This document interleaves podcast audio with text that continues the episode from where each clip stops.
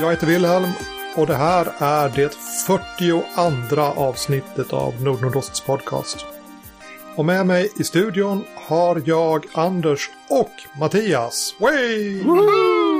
Hallå! Hallå! Så. Eh, okonstlat eftersom vi då har suttit och snackat i fem minuter innan här. Så det...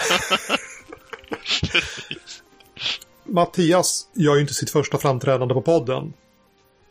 Han var med tidigare i den här säsongen. Så att eh, det går ju att lyssna på det om man vill veta mer om honom. Liksom. Så. Ja, vi pratade inte så mycket om mig där. Så om vi vet mer om mig så kanske det var en dålig, dålig, dålig tips. Men vi pratade om Vampire och nybörjarspel. Vår, vår intressanta Vampire-kampanj där som vi funderade på om den skulle ta fart eller inte. Men den tog fart och sen stendog den. Eh, precis. ja, men vi, vi hann nog spela tillräckligt mycket i alla fall för vi insåg att ja, men det är coolt med Vampire, men eh, ja. Fast nu har vi gjort det. det var ett, det var ett starkt intresse som sen stendog. Jag vet inte riktigt, det var, var logistik eller? Jag tror det har att göra med att ni, ni tummade på, på er, ert mål redan ganska tidigt där. Att, vi var väldigt inne på att retrospela Vampire när ni hade skaffat böckerna. Och det lyste med ögonen på er och sen så läste ni dem också. Och så, Ja, det var ju ett misstag. Det var ett ja, det misstag. började bli någonting annat. Ja, vi hade ju lite svårt att få ihop det där alltså med hur vi skulle få till det. Bara, Jaha, så ska, ska, vi, ska vi känna? Ja, det var, det var mycket, mycket funderingar på hur man skulle verkligen spela det där spelet. Det, det, vi- vi tänkte ju att vi skulle vara riktigt, riktigt bokstavstrogna fanatiker och också spela det precis som det var skrivet. Men efter ett tag kom vi fram till att ja, det blir nog inte så bra. det kanske var lite mer sammanhängande när man minns det. Det är något rosa skimmer där som, som, har, som tvättades bort ganska kraftfullt efter ett tag. Där, tror jag. Men mer nyligt, till exempel igår, så var jag hemma hos Joel och Malin och vi spelade Den yttersta domen. Och det var bra, som vanligt. Och det, det, det spände som eh, från det största eh, ner till det minsta. När eh, eh Malins och Mats rollpersoner som är inblandade i ett, att dra igång ett fullödigt inbördeskrig om de här knarkmöglet som har börjat växa på vår rymdstation. Medan min rollperson har gömt sig hemma och försöker avgifta sin dotter som då har blivit eh, ordentligt nerknarkad med gudomligt mögel. Så det var som hela spannet av eh, vidd på handlingar i spelmötet. Det var coolt. Och reglerna föll som inte sönder. Ja, Det verkar vara ett tufft spel. Eh, ja, men det är tufft. Och prognosen är att det kommer ut 2018. Senaste budet från, från Joel. Sweet. Han har haft det ute på externa speltest, själva texten, och har fått lite respons. Så att han har tweakat ytterligare lite grann nu då. Och då, och då är det som, eh, går det ju som diskussionen. Ja, vad är 2018s mest förväntade eller fram emot sedda spel? Så där, där våra stora rollspelshus jagar sina fans för att de ska gå in och rösta på olika sidor. Jag tittar på det där och så, ja, coolt, ni ska komma med nya fina spel. Men de är inte den yttersta domen. För yttersta domen har varit det mest fram emot sedda spelet i fem år för mig i alla fall. Inte liksom oförtjänt heller. Nej, nej, det, det hänger samman. Det gör ju en väldigt specifik sak. Mm, Sådär. Men det gör den specifika saken väldigt bra, tycker jag. absolut. Det, det känns som ett väldigt modernt spel.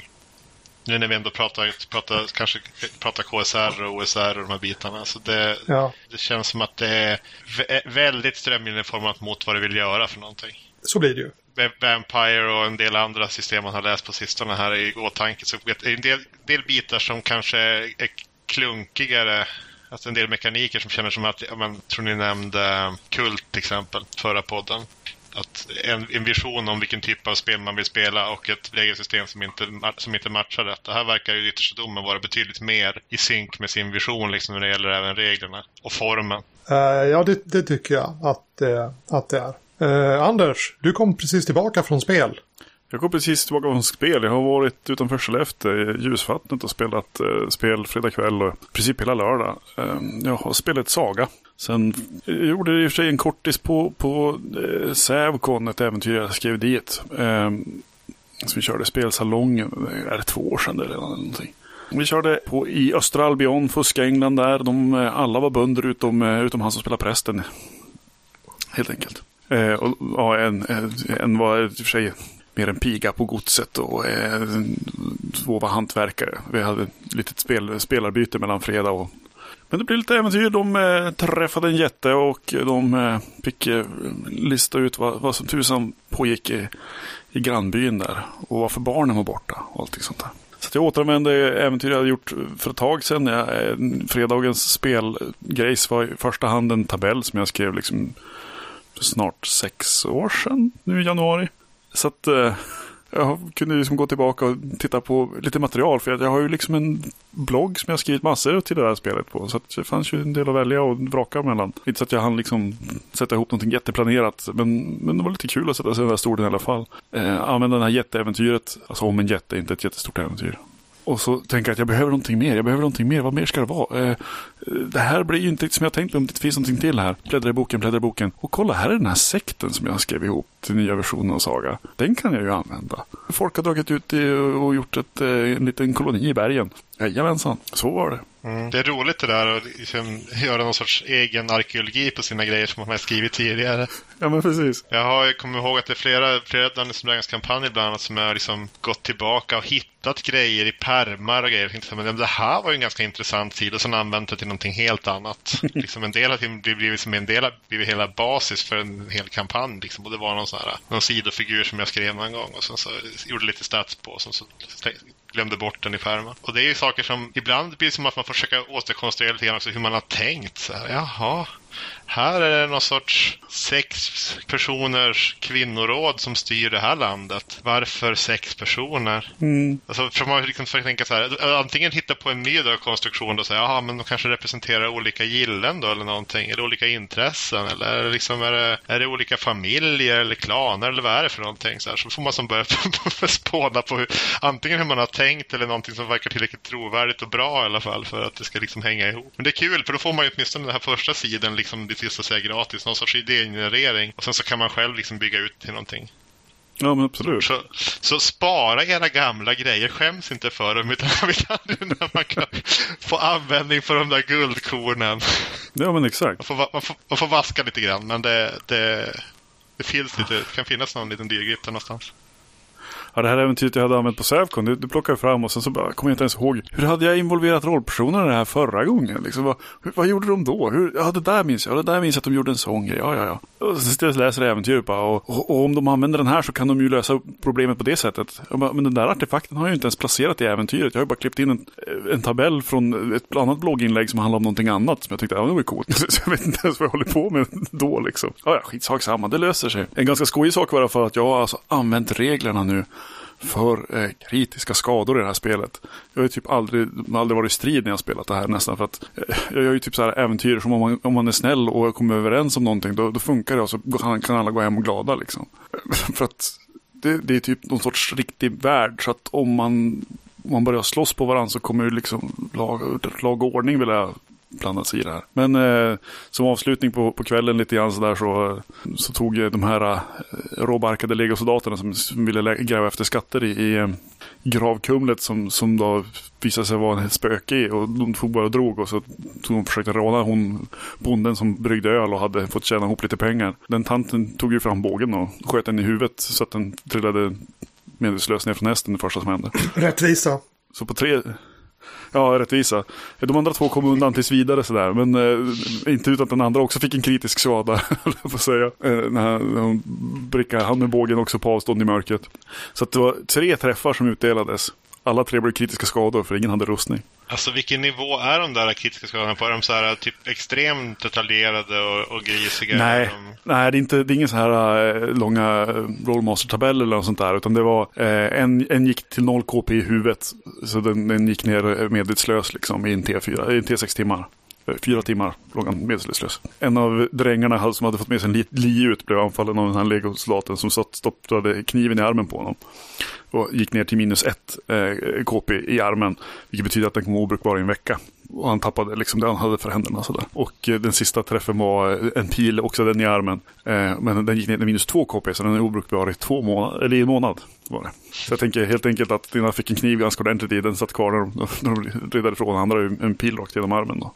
Men de verkar läka ganska bra i Saga, eller? Eh, jag vet inte riktigt hur Det var, läk... det, det var inte, jag tänkte det var inte så lång konval- konvalescens. Det lät, det lät ganska allvarligt, men det kanske var... Ja, nej, man sig kritisk sådär. Och nej, det är ju inte liksom så här bara tjopp tjopp. I och för sig, hade du gått ner på minus, minus tre tror jag, det är nästan liksom, då, då är det liksom bye bye till, till, eh, till armar och sånt där. Ifall det har använts något vapen Mm. där det är lämpligt och rimligt. Menar, den ena anföll med en dolk och den andra anföll med en pilbåge. Det det är inga armar som kommer trilla av av det. Eh, men det hade väl varit riktigt jobbigt, antar jag ändå. Eh, men jag tänker mig, den är obrukbar i, i en vecka betyder inte att det sl- slutar göra ont eller vara jobbigt. Liksom. Så, och KP-skadan kommer man få tillbaka mycket fortare än så antagligen. Liksom? Mm. Men det var lite skojigt. Eh, ja, det, det är ju liksom någon sorts histori- del av historien som jag inte deltagit i så mycket. För att jag minns när jag spelade liksom Drakar och Demoner när det begav sig så inte, inte brydde jag mig någon mycket om kroppsdelar då. Inte. så det var lite skojigt att det kom upp nu. Så här, för ett par år sedan jag tyckte att jag fattade och äntligen vad, vad, det- vad var vitsen med det. Liksom. Det var faktiskt lite, lite skojigt på något vis. Inte så att det blev en bra strid eller eh, sådär. Det var inte särskilt många inblandade och inte så uppstyrt. Liksom, så att jag, var, jag var inte ens riktigt beredd på att vi skulle hamna där. Liksom. Men det var lite skojigt att se och rulla KP för, vad, vad har de för KP egentligen de här eh, som blir träffade nu då? Oj då, det blir sådär, det blir sådär, jaha det blir sådär. Ja, de, de orustade fiender, eller kombatanter, de tar bara en träff i princip och sen så, så, så är det inte så kul längre. Punkt. det kändes rimligt. Men nu Mattias, vad har du haft för dig på senaste då? Ja, jag har ju inte så mycket möjlighet att spela. Det är väl ett, ett litet problem. Men man har ju mycket tid för att tänka. Och det har ju varit med i den här um, CM77-projektgruppen och försökt bidra med, med korr och tankar och bollplank och en del grejer. Jag har skrivit en, försökt omforma färdighetssystemet, bland annat. Så att jag satt jag rätt mycket med. Och en del andra bitar. Eh, men jag tycker det som jag framförallt börjar fundera på det är lite grann så här, jag blir som sugen på att skriva ett äventyr till CM. Men det är inte så himla lätt i den där genren visar det sig. jag har suttit där och, och kliat mig i huvudet. Okej, men var börjar man någonstans? Och vad vill jag, vad vill jag egentligen liksom skriva för typ av äventyr? Jag tänkte att ja, men det här måste ju någon annan ha eh, funderat på tidigare. Så tänkte jag att vi kanske kan få gå utanför för CM eftersom att CM fortfarande är lite grann work in progress när det gäller de här kapitlen. Då. Eh, förhoppningsvis kanske det här verken leder fram till någon, någon vettig text om hur man faktiskt konstruerar äventyr i, i CM. Men jag tänkte att det måste finnas någon annan som har haft liknande problem i genren. Och då plockade jag upp och kom på att jag kunde läsa om evolutionens barn som jag tror ni har vurmat för tidigare. Mm, jag har då sysslat med det. Ja, jag har, jag har spelat. Jag har inte spelat, men jag har spelat. Jag har spelat det, okej. Mm. Ja, alltså det är, men det hade, hade du spelat det Anders till och med? Ja då, det har jag tagit med på, på konvent en del sådär. Eh, och spelat lite grann. Jag har kört, eh, körde någon tre omgångars minikampanj här i, här i stan för några år sedan också. Men då har, då har ni spelat utan att ha ett färdigt äventyr eller någonting sånt. Utan ni har, ni har kört det. För det är ju ett, det är ett annat typ av spel. Det var det jag insåg när jag läste det också. Att Evolutionens barn bygger ju mycket på att man faktiskt genererar tillräckligt mycket runt karaktärerna och så vidare. För att det faktiskt blir lite äventyrsseeds och liknande. Eh, och det finns ju ganska mycket form för hur man, hur länge saker och ting ska pågå och så vidare. Hur långt, långt liksom en, en äventyrsark ska vara och hur man mäter progress i äventyret och så vidare. Så det var inte så mycket äventyr kanske egentligen. Det var fortfarande ja, mycket, så det kan vara ett väldigt trevligt spel och jag fick rätt mycket inspiration om just temana mot cyberpunk och så vidare. Men någon vidare hjälp när det gällde att skriva liksom ett äventyr i KSR-skolan, det kändes inte som jag riktigt fick. Nej, inte, inte märkligt. Det är ju ett fullkomligt annorlunda typ av spel, eh, Evolutionens barn. När vi körde så tror jag att jag hade några frön sådär och sen har vi ju, sen är det ju improvisation väldigt mycket. Och bygga upp och lägger fram gemensamma problem och, och tar upp de trådarna igen och liksom för dem framåt och sådär. Eh, Ska jag ge ett lästips så, så kanske kan vara värt att kolla in rotsystem som, som Mikael Bergström har skrivit också. Eh, det, är ju det grundspelet. Han, han lutar ju åt någon sorts förberedda deckargåtor spelstil nu för tiden.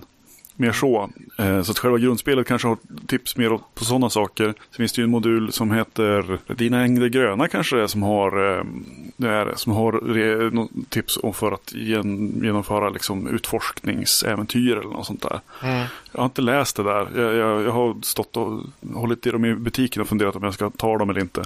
Men han är ju en sån som lägger upp allt, allt gratis på internet också. Ja, eh, det är sympatiskt. Det är bara att dra hem. Ja, men det låter ju trevligt. Alltså, whodunits och sådana saker det är faktiskt en genre som ligger mig ganska varmt om hjärtat. Jag brukar faktiskt slänga in dem även i kampanjer med andra typer bara för att, för att lätta upp det.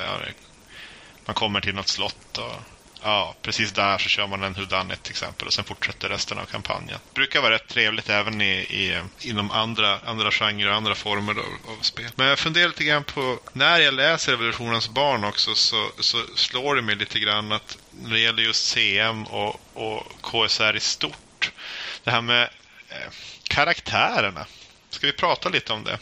Hur mycket de ska vara utfläskade och hur mycket egentligen driv och bakgrund de ska ha. För man har ju alltid liksom när man spelat även tradd när det begav sig så satt man ju där och knåpade lite grann på en del bakgrundshistoria. Och den var ju inte bra. Men man var ju inte gammal. Så man får ju lite alibi där. Men det var liksom, det var ju, det var ju föräldrar dödade av orcher och liknande som hände. Alla troperna. Mm. Men, och, det, och det är preskriberat vid det här laget. Men det, det jag menar är att även då, i de, de spelen som egentligen inte dikterade att man skulle göra det, eller hjälpte överhuvudtaget egentligen, så gjorde man ju de där bitarna ändå, för det kändes som att man skulle göra det. Ska man till... Är det liksom trevligt nu när det ska liksom introduceras för någon sorts yngre generation? För jag ser det ändå som att CM 77 borde kunna spelas av tioåringar om designmålen ska uppnås på något sätt. Ett av poängerna som, som Willem hade från början var ju att det gamla spelet eh, i svart låda från slutet på 80-talet där Eh, var ju inte så tillgängligt nu med. Det är ingenting man kanske skulle rekommendera en tioåring att börja med idag. Borde inte det här spelet vara lite mer tillgängligt och kanske i det läget så borde man inte till, ge någon form av stöd för liksom även karaktärs bakgrundsskapande eller så. För det finns ju ganska mycket om evolutionens barn till exempel. Att man fläskar ut karaktärerna med bakgrund och tankar och värderingar och sådana saker. Men det får man ju som ingenting i, i CM just nu i alla fall. Hamnar vi utanför KSR då? Eller nej, är vi... nej, nej, nej men uh, alltså vi pratade ju om, om det här i, i förra avsnittet. Vi pratade mycket KSR. Och en av sakerna som vi sa att, att KSR vill emulera en, eh, en bok eller en film. Mm. Det, är, det är den typen av ark vi vill ha liksom. Och figurerna i filmer har en bakgrundshistoria som, som, som, lyser fram på vissa vis liksom. Så att sätta sig även som, som tioåring och skriva sin bakgrundshistoria om, om de föräldrarna som blev dödade av orcher och sådär. Det är ju rimligt på något vis. Därför att det beskriver vem är den här figuren för, för vi vill veta vem figuren är när figuren ger sig in i ett äventyr. Och samtidigt så är det ju banen för det här. men min rollperson skulle ju aldrig följa med honom på det där uppdraget. Mm, precis, det omvända metaspelet. Ja. Medvetet saboterar för och se till att historien blir dålig. Nej, men det, men det, jag förstår, det, jag förstår precis vad du menar. Det, det blir lätt att man, och det har man ju märkt även på konventscenarion och sådana saker, att, att eh, ibland hamnar man i situationer där man känner att ja, men nu får man ju ta, ta bortse från vad som står här i bakgrundshistorien eller i, i personlighetsbeskrivningen. För i den här situationen så håller det ju inte ihop om jag nu vi ändå ska liksom för gruppens bästa komma, komma framåt i, i, i scenariot och känna att vi får uppleva någonting, att filmen eller episoden blir bra. Liksom. Det, ibland får man göra de där offren. När vi spelade hemma, sådär, då gjorde ju folk sina gubbar och sen så tog vi något av de riktigt bra äventyren då från, från den där perioden, till exempel Ypsilon 5. Mm. Fanns det några bra det... äventyr från den perioden? Ja, Ypsilon 5 är fantastiskt bra. uh, och, och där etableras ju massa saker om rollpersonerna i början. Sådär. Ja, det, det, de är någon sorts sluskar som kan tänka sig att åka ut i, det, i, eh, i zonen och slåss med mutanter och sådär. Jag ska inte spoila slutet. Mm. Uh, det är aliens. Uh, det är alltid aliens. ja, men det, det är genomgående. Ja, det, är 70, det är 75 procent aliens eller sådär. Man får ja. i, i de scenarierna. Så att, ja. man får gissa. Det är några.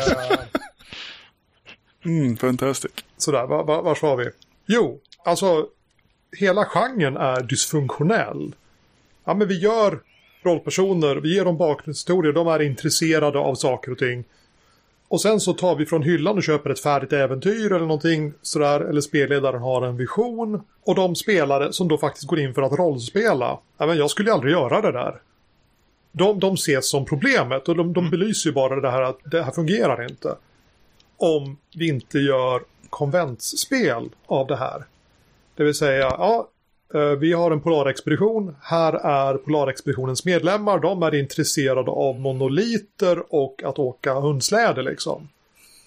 Och så åker vi till Nordpolen. Och då gifter sig det här och, och det blir så fantastiskt bra när rollpersonerna och deras bakgrunder går hand i hand med det äventyr som de ska spela. Så att bara skriva ett äventyr utan att också skriva rollpersonerna, jag tror att det är eh, svårt. Jag ägnade ju ganska mycket tid åt det där härom, härom ja, typ två år sedan och, och fundera på alltså, hur går det till egentligen? Hur gör man det här utan att få göra det sådär? Om, om jag får bestämma vilka de är och vilka, vad situationen är, men då är det ju lätt att skriva ett äventyr. Men, men tar jag bort eh, en bit sådär och, och bara vem som helst ska komma in här. Ja, alltså det funkar ju i OSR för att det, för det är platsbaserat liksom. För, för att det är platsen som är äventyret. Men så fort drivkrafter ska in i det där, men då, då är det en helt, helt annan sak. Det blir mm. någonting helt annat. Jag undrar om man måste ta, ta till sådana här lite intressanta gimmickar som till exempel, ja men säg femte elementet. Om, det, om inte den, liksom resten av bakgrundshistorien bara finns med där utan det är bara Corbin Dallas vinner en kryssning till den här och sen råkar även fyra andra personer vinna en kryssning till det här stället och sen så råkar de då vara på samma ställe och så händer det någonting. Alltså man får som ha en, mm. en hook som är ganska kraftfull, alltså en mm. rejäl näsring men åtminstone att någonting som kan föra ihop fem stycken disparata karaktärer. Alla kan ju vinna på ett lotteri till exempel. Någonting som kan som jämka ihop dem på något sätt ändå. Ja, absolut. Nu är, nu är det kanske inte det världens bästa äventyr som jag beskriver här, men ni fattar grejen. Ja, men det, det, vad som helst kan ju hända sen. Men, men absolut, det är ju, det är ju, det är liksom lite hårdhänt, eh, hårdhänt eh, start liksom. Men, eh, men mm. en sak som jag funderar på lite grann med det här, det, det är också det här med generationen av bakgrund och relationskartor och sånt. För det har ni ju pratat en del om också. Det låter ju som att det är en ganska modern företeelse. Men har ni hört den här frasen, hur känner ni varandra?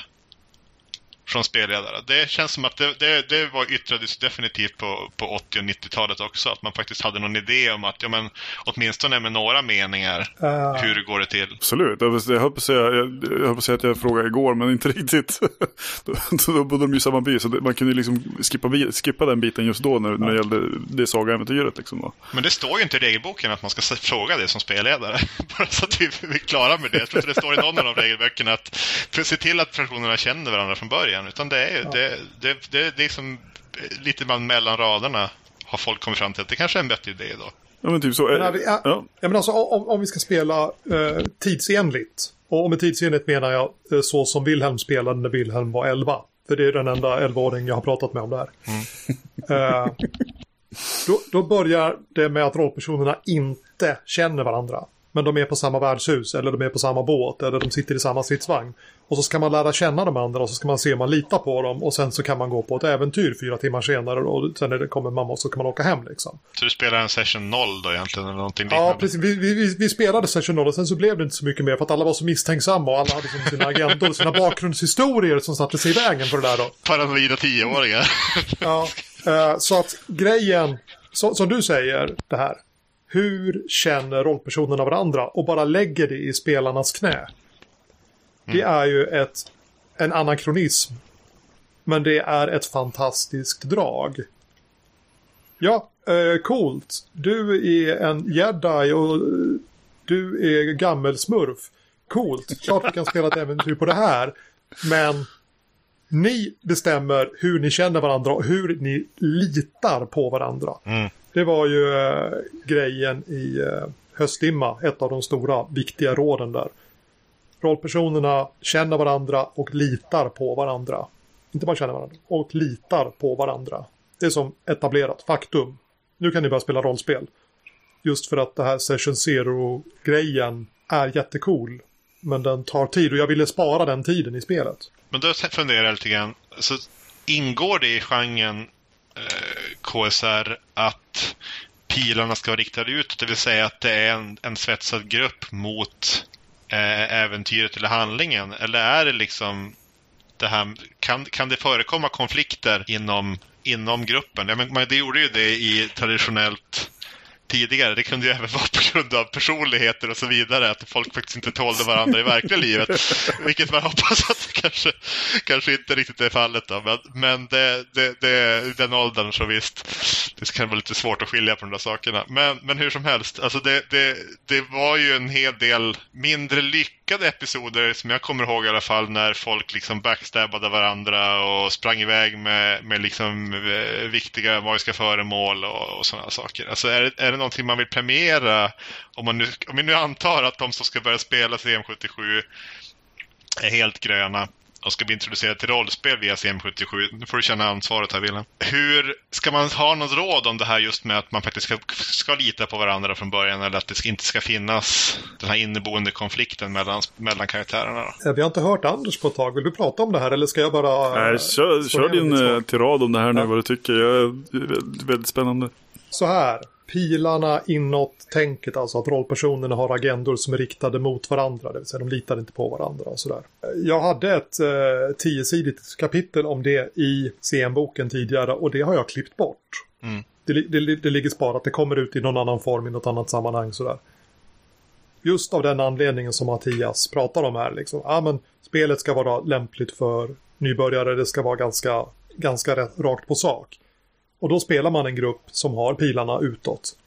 Sen tror jag inte att regelsystemet egentligen faller sönder om man väljer att spela en sån där Game of Thrones-grej där det är som flera separata historier som man hoppar mellan. Men det är en annan typ av berättande och vanligtvis så vänder vi oss till andra typer av spel när vi ska spela sånt. Eh, även om jag tror att egentligen finns det väl inget hinder att man skulle välja att spela något sånt med med vilka gamla regler som helst. Drakar Månets regler eller Sagas regler eller CM eller vad som helst. Nej, det handlar ju mer om kontakten mellan spelarna. Alltså ja. vad, vad, som är okej och inte okej och så vidare. Alltså så att man fortfarande och, kan vara kompisar efteråt. Jo, precis. Och kontraktet, våra rollpersoner litar på varandra och är enade mot en yttre fiende. Mm. Det är mycket lättare att ha det här, vi kompisar efteråt, om man har det kontraktet än den typen av spel som, som jag nu, alltså jag spelade ju den yttersta domen nu då, mm. igår.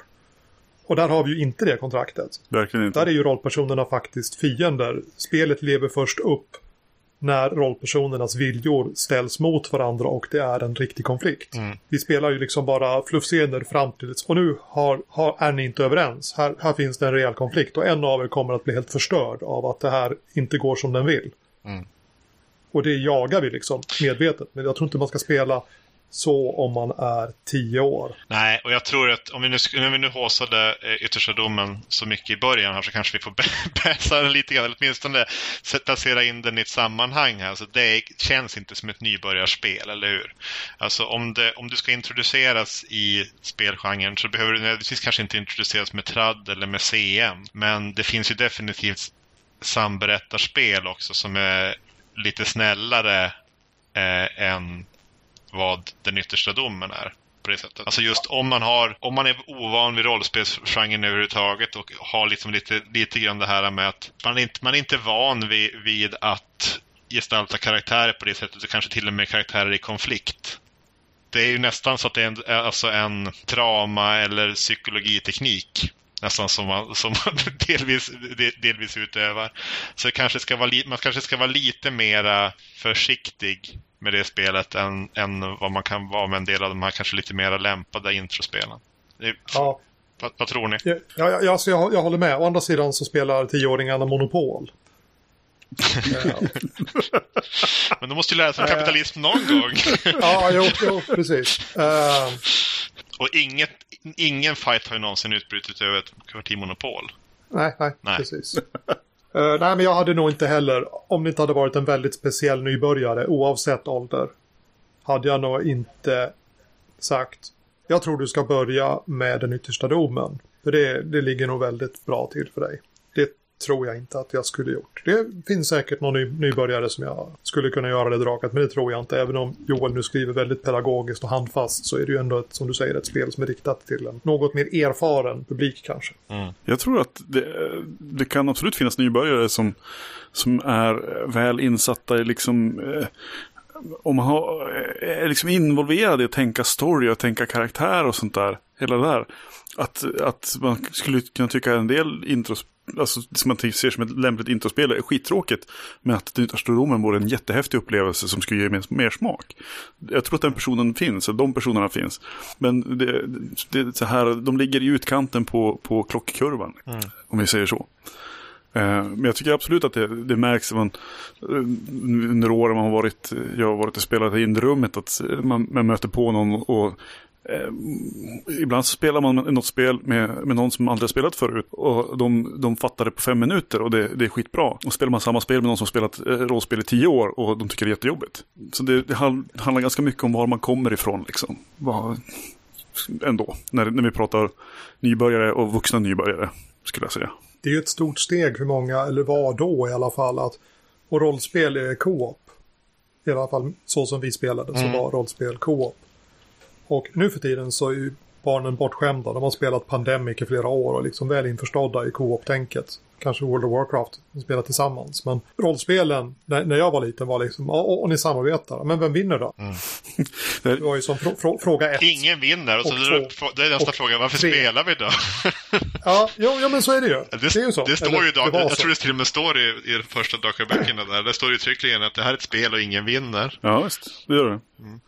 Jag tycker det är jätteskojigt för, för jag tänker jag pratade med, med Andreas då som, som bjöd hem för att spela. Eh, han, var, han var på Sävkon och så, och så spelade vi domen tillsammans. eh, och han hade aldrig spelat eh, player vs player förut istället. Och tänkte oj vad är det här, jag förstår ingenting. Eh, mm. men det är coolt, ungefär så. Och det finns, ju, det finns ju absolut spelare som bara nej Nej, eh, jaha, eh, spelar vi mot varandra i någon mån? Nej, jag, jag kan inte göra det här. Liksom. Nej, men jag, jag, tror också att det är en komfortgrej. Jag vet att jag har, det, även när det gäller brädspel eller an, andra företeelser, så, så ofta så är det ju lite mer avslappnat att spela co-op än att spela PVP. Mm. Eh, Diplomacy är ett fantastiskt spel. Men eh, eh, det, jag klarar inte av att spela Diplomacy för jag blir så jag blir så, jag är inte deprimerad, men, men sviken och man blir liksom, man blir backstabbad och man, oh. alltså det är ingen, det är inte en jättetrevlig upplevelse, särskilt inte som en så här, typ en, en, en eh, dipp i perioder liksom, man kommer in lite då och då så här. Så det, det, då spelar jag ju hellre ett, ett eh, rollspelspass liksom med, med pilarna utåt och liksom få, få spela med min grupp på ett konvent till exempel än att gå, gå själv och spela ett Dippy-pass och efteråt så här, komma ut och känna att oj, där vart jag verkligen söndermald mm. emotionellt. Men alltså en, en, en skillnad mellan eh, Dippy och den yttersta domen är ju att när du blir utsatt för en fälla i den yttersta domen mm så är du ju med och, och liksom följer bakom kulisserna så du kan liksom sitta och gotta dig åt att din rollperson håller på att gå i fällan. Ja, precis. När du spelar, när du spelar Dippy så tittar du åt ena hållet, sen kommer käftsmällen liksom. I Dippy är det jag som blir lurad, men uh, ja. i, i den största domen så är det min rollperson som blir lurad. Ja. Och då kan, jag, då kan jag titta lite grann på det. Och det är faktiskt en, det är sant, det är en skillnad. Jag har tomt i mitt vattenglas. Ja, jag också. Kort bensträcka mm. för samtliga. Jag vet så.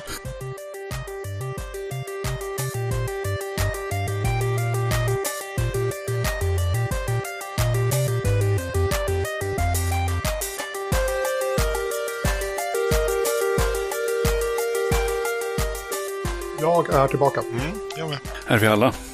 Mm. Eh, då märker ju lyssnarna att vi faktiskt uh, practice what we preach här då. Att när en lämnar bordet så går alla. Eller, då, då tar vi en gemensam paus. Alltså det hade ju gått, vi är ju tre stycken. Vi hade kunnat turas om att sticka iväg och fylla på vattenglaset. Men vi tog en, en paus gemensamt, sträckte på benen. Alla gjorde sig redo för nästa, nästa etapp. Mm. Det hade ju varit lite svårt att komma, över, ta, komma in och ta över tråden med. Alltså det är inte så att man kan liksom spola tillbaka en för att kolla vad, vad som har hänt och prata vidare.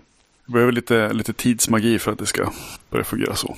Tömde vi ut det där? Eller? Alltså jag tror att vi skulle kunna ha en hel podcast om att skriva äventyr. Ja, äventyr och jag tror också även det här med handhållandet till spelare. Jo men alltså eh, anledningen till att jag har sammankallat er ikväll. Det är ju för att vi ska spela in reklam nytt coolt svenskt cyberpunk-rollspel i klassisk stil. Wow. Mm. finns nu till försäljning via Drive-Through RPG. Och, och det, är nog, ja, det är nog världens bästa rollspel. I alla fall så är det bra ifall du tror det så länge så att jag får pengarna. Därför att dessa pengar ska då gå till att köpa fler bilder av uh, Elizabeth Porter. Som vi alla känner eftersom hon gjorde bilderna till Until Dawn. Mm. Och det är kul. Det var på samma sätt som jag skaffade bilderna till uh, det nya illustrerade uh, Medan världen går under. Sålde jag det också på drive-through först och sen så köpte jag bilder för pengarna och sen så kom det ut en pappersbok lite längre mm. fram. En väldigt vacker pappersbok. Men för att göra det väldigt tydligt nu då. Om jag köper en pdf. Mm. Då köper du med bilder och sen stoppar du med pdf-en och så byter du ut pdf-en så jag har fortfarande köpt den med nya bilder. Ja, precis. Visst är det så? Eh, det är så. Och jag vet inte om man automatiskt blir notifierad när jag gör det där bytet. Men jag får skicka reklammeddelanden på DriveThru eftersom jag då är publisher. Mm. Och jag kan eh, targeta mina reklammeddelanden till folk som har köpt den eller den produkten. Så jag kan alltså skicka ett reklammeddelande till de som redan har köpt spelet och säga att nu är filen uppdaterad. Så att ett bud kommer att gå ut på något vis. Då. Mm. Och då hamnar det i mejlen rakt upp och ner. Mm. Så kommer du kunna se det på, på eh, Williams Games-sidan på Facebook. Så kommer du höra det i podden. Och så kommer du höra det från oss på konvent. Och eh, det är som en hel franchise det här. Snart kan du säkert köpa t-shirten också. Sikta på det. Uh, på tal om uh, sidan på Facebook. Jag, jag fick ju uh, pedagogisk förklaring av Anders här om att vad skillnaden var mellan en page och en group på Facebook. Så att Wilhelms Games har nu också en group och inte bara en page. För de som tycker att det är roligt att interagera med andra och inte bara ta emot mitt riktade budskap. Reklam, reklam. Om det, så om det är någon... Eh någon eh, lajvare som, eh, som har råkat på den här. Uh, finns den här när vi rör varandra-regeln kvar i Until Dawn? Eller blandar ihop det med Silver and White nu? Nej, det är en Silver and White-grej. Ja, just det. Men om någon råkar spela... Det, det är en cool grej. Men... men om någon råkar spela Silver and White och lajvar och tror att, att vi ska sitta och röra varandra uh, på riktigt sådär. Då, då, då, kommer jag finnas där i gruppen och hjälpa dig och komma över det här traumat att, att det ska, man ska bara röra varandra på låtsas. Liksom. Ja. Eh, det, det, där blir nog superinternt i alla fall. Men... Ja, det där varit jättevursat. Jag känner, jag, alltså, jag, jag känner, jaha. Mattias, har, har, du spelat Silver and White? Nej. Du har missat lite grann. Jag försöker nu rannsaka mitt minne efter vad han hit, hette som skrev det där. Jag kommer inte vara till någon hjälp här. Jag snabbgooglar och klipper sen. uh, det var ju svårare att googla än vad jag trodde. Ja. Jag minns att si sidan heter Photographs of Lightning, alltså hans blogg. Men när jag googlar så får jag då bilder på folk som har fotograferat åskväder. Fotographs of Lightning Games? Ja, ja. Ja, strunt samma. Spelet är skrivet av någon. Det är inte en Google-kurs i alla fall. Ja, nej. Ja, ja. Det, var, det var inte helt lätt att googla. Ja, men det är... Det finns ett actual play av det faktiskt i Nordendosts backlog. Om man backar lite grann. Oj. Eh, men premissen, premissen är att det är ett gäng ungdomar som tar sig in i ett hus. Gäng tonåringar. De ska in och sno saker. Eh, och det finns ett mysterium med det här huset som de konfronterar. Och det finns en specialregel där som eh, trädde i kraft när... Och här är det då diskussionen som jag Anders refererar till. När rollpersonerna rör vid varandra. Och vi tolkade det som att när spelarna rör vid varandra, visst var det så? Ja, det står bara when we touch. Men det, det betyder, ja, det, betyder, det syftar på rollpersonerna. Så vi spelade det aldrig så tror jag. Det var bara det att jag, var, jag tror att jag, jag var tvungen att fråga explicit för att, för att har man lajvat så bara when we touch, ja we det är jag, du. Det är ju inte, det är inte bara rollpersoner som är we, mm. eller? Ja. det, det framgick ju lite i texten. texten så. Elin gjorde någon grej av det där i något senare spel där man faktiskt skulle hålla varandra i händerna när man gjorde någonting för att det markerade något speciellt. Mm. Och det är inte alltså det här Ars, Ars Armadi när man har sex genom att hålla varandra i händerna. Ars Armandi, precis.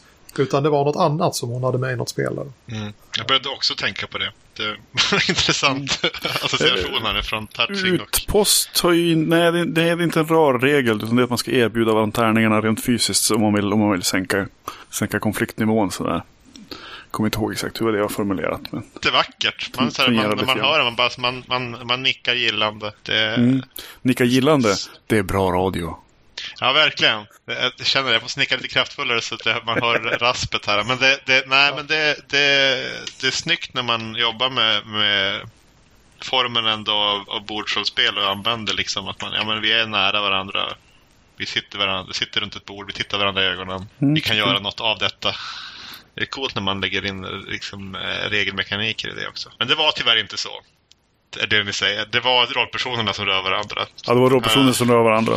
Men om du, om du hamnar och, och läser en, en, en regel som är något sånt där och blir förvirrande. Jag finns där på Wilhelms Game-gruppen eh, för att eh, stödja upp det. Eh, spelet är skriven, skrivet av Jackson Tegu.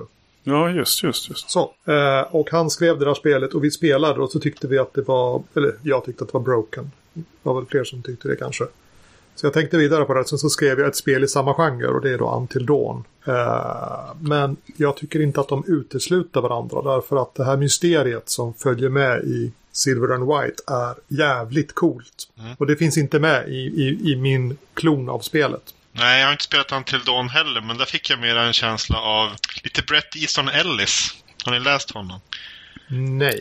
Nej, han? Alltså, American Psycho är mest känt. Men eh, det är framförallt kanske jag tänker på, på Glamorama och eh, Less than Zero, en del av de här. Då, man, då det är liksom väldigt specifikt väldigt unga, rätt så rika överklassungdomar i Kalifornien som har fruktansvärt förtvinade själsliv. Och det, det urartar ju då i, i ofta i, i eh, American Psycho-liknande eh, komplex. Kanske inte alltid fullt så våldsamt som i American Psycho, men, men, eh, men det, är, det är väldigt depraverat ofta. Eh, och rätt svårt. Det är ingen som mår riktigt speciellt bra. Är det, Okej. är det långt ifrån? Eh, Ja, ja, nej, jag, jag, tror- jag tror att det, det är ett annat spel. Mm. Det, det, det är varken Until Dawn eller Silver and White. Mm. De, de, är, de, är, de är gladare i Ja, de, de är, det, det, handlar väl inte om det. Jag tror inte de är gladare egentligen. De, de bryter ju sig in hos folk för att lindra tristessen av förortslivet. Mm. Inte egentligen för att de behöver, behöver pengar eller något sånt. utan De bryter sig in hos folk för att de har tråkigt. De vill ha adrenalinkicken. Och den för dem till bekymmer. Mm. Men det hade nog kunnat faktiskt, det hade kunnat vara en, en uh, Bret Easton Ellis bok egentligen. Just den här, lite, lite av den här uh, thrillseeken för att det, i övrigt så är det lite meningslöst. Men uh, Alltså, vå- våra, våra lyssnare tycker inte om när vi sitter så här. De, de vill egentligen att vi läser till ur välredigerade manus. ja, Sådär. ja, ja, vi får, får, det får bli en annan gång. Mer då? Jag har gjort som reklam för, för Cyber M77. Och det, och det var ju därför jag ringde in er egentligen. Eh, eh, det var därför jag kallade er till min studio. Jag har en fråga om det här med, med att köpa pdf-en. Eh, säg att jag köper den nu och så tillbringar jag julhelgen åt till att läsa den från perm till perm. Och jag tycker att det är fantastiskt. Så kommer en ny version. Måste jag läsa om hela då? Eller kommer det komma någon sorts changelog för vad, vad, vad som faktiskt skrevs om? Oj. Jag har tänkt tanken. Det är ganska jobbigt att skriva sådana där changeloggar. Kan du inte generera en? Ja, jo, men det, det är ju det. Jag skulle kunna göra diff på Om, filen. om du alltså, så di- diffar och sen så kanske du kan cleana upp diffen lite grann så att den säger åtminstone Ja. vilka kapitel som är ändrade eller någonting. Ja. För nå- någon form av... Jag, jag tänker så här. Ja, alltså det, det, det, det kanske är lite väl, väl overkill. Men å andra sidan, är det inte dina early adopters som du vill vara, vara extra, extra snälla med? Ja. De som faktiskt tar sig, tar sig, tar sig för att läsa hela den redan nu ja, den här du, du, du har rätt. Du har rätt. Eh, men då, då bestämmer vi det här. När det kommer uppdateringar så kommer det också ett, ett medföljande dokument som säger i alla fall var man ska leta. Mm. Eller var man ska titta vilka kapitel som är nya i, i respektive release då, så att man inte behöver Men, eh, eh, läsa igenom allting från scratch. Men du gör den lite mer... Det är mer, mest liksom texten sådär va? Det är det inga sådana här som när jag kommer att påpeka att du har amerikanska citattecken på ett ställe liksom. Nej, Nej, det, kom, ger det kommer inte med i changelog. Nej, vad Nej, skönt. det ingenting. Nej, det, det, det, är inte, det är inte en pro- Ja, jo, men det kommer, det kommer stå som programmeringsnivå. diver, di- diverse mindre korr sådär. Ingen anledning till att inte köpa den så här tidigt med andra ord. Eh, alltså det finns ju en anledning. Eh, om vi nu ska göra lite antireklam här då. Det är om man inte är intresserad av elektriska versioner. Utan man är en sån där människa som bara tycker om att skövla skog. Då kan det ju som vara en poäng att vänta tills det är klart. Men om man tycker om att ha det som pdf Oj. så är det... Och gillar skog. Och, och ty, eller, eller tycker om skog. Då, då kan det vara en poäng att köpa det redan nu. Därför att jag säljer pdf-erna på Drive-Through RPG. För att de har ett fantastiskt system för att hantera pdf och digitala tjänster och sådär liksom. Och jag säljer pappersböckerna på Lulu därför att de har fri frakt. Så att jag kan inte göra så här som en del spel. Ja men köp båda, både pappersboken och pdfen samtidigt så får du som en bundel med ett lägre pris sådär. Utan jag prissätter båda grejerna tillräckligt lågt då så att jag tycker att det inte ska spela någon roll att man måste köpa dem i varsin butik. Men om man då verkligen inte tycker om, eh, eller man hatar skogen, då kan man vänta. Lulu har så fri frakt när det finns en rabattkod för det. Men det Ja, brukar precis. dyka upp lite då och alltid, då.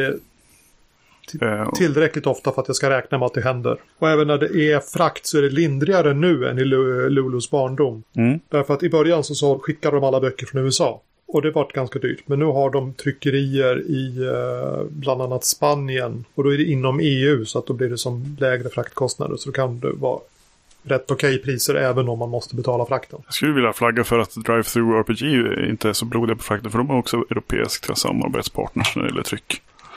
Så det kan, det kan också bli rimligt då och då. Nu har de det. De hade det inte förut. Har du koll på hur länge de har haft det? För att från början så var det liksom bara där och så var det svindyrt. Nej, jag minns inte. För jag för mig att när jag beställde Itras by, eh, den, liksom den engelska eh, poddtrycket från Drive-Through, att det inte blev så farligt. Och jag vet inte riktigt hur det blev med, med menageri när jag köpte den nu då.